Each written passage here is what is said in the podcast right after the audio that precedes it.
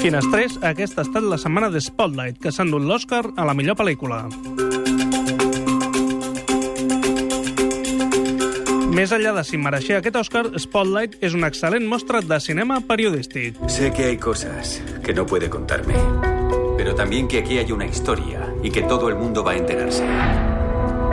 ¿Cree que su periódico tiene recursos para afrontar algo así? Yo sí. ¿Y usted? Al llarg de la història hem tingut bones mostres d'aquest particular subgènere.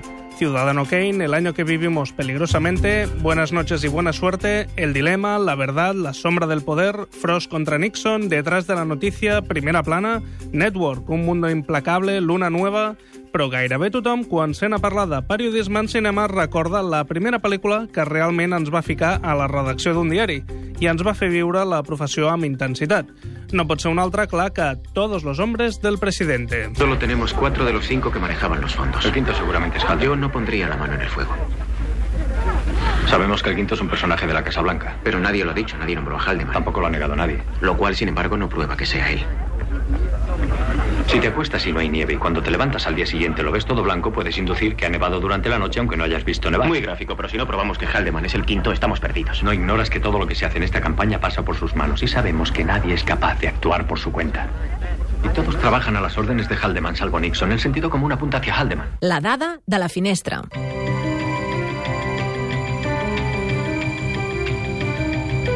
Els periodistes reals Bob Woodward i Carl Bernstein ens van oferir a escriure el guió de la pel·lícula, però de seguida van veure que no era el mateix que escriure un article i ho van deixar estar.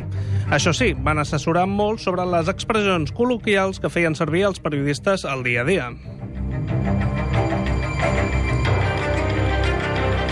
Dustin Hoffman i Robert Redford van memoritzar tant els seus diàlegs com els de l'altre, per tal de trepitjar-se mútuament i donar més credibilitat a la conversa.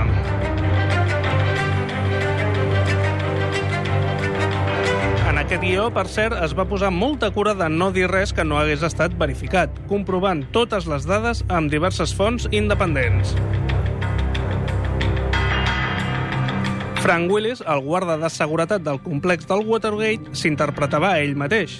Redford es va allotjar durant tot el rodatge a l'hotel Watergate de Washington, precisament.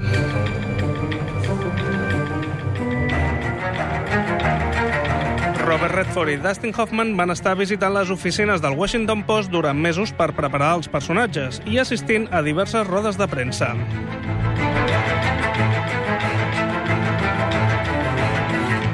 En el seu moment, la pel·lícula va rebre una qualificació R, la més restrictiva per ús inadequat del llenguatge, però finalment la van rebaixar a una de més suau, la PG, gràcies a la rellevància del significat històric.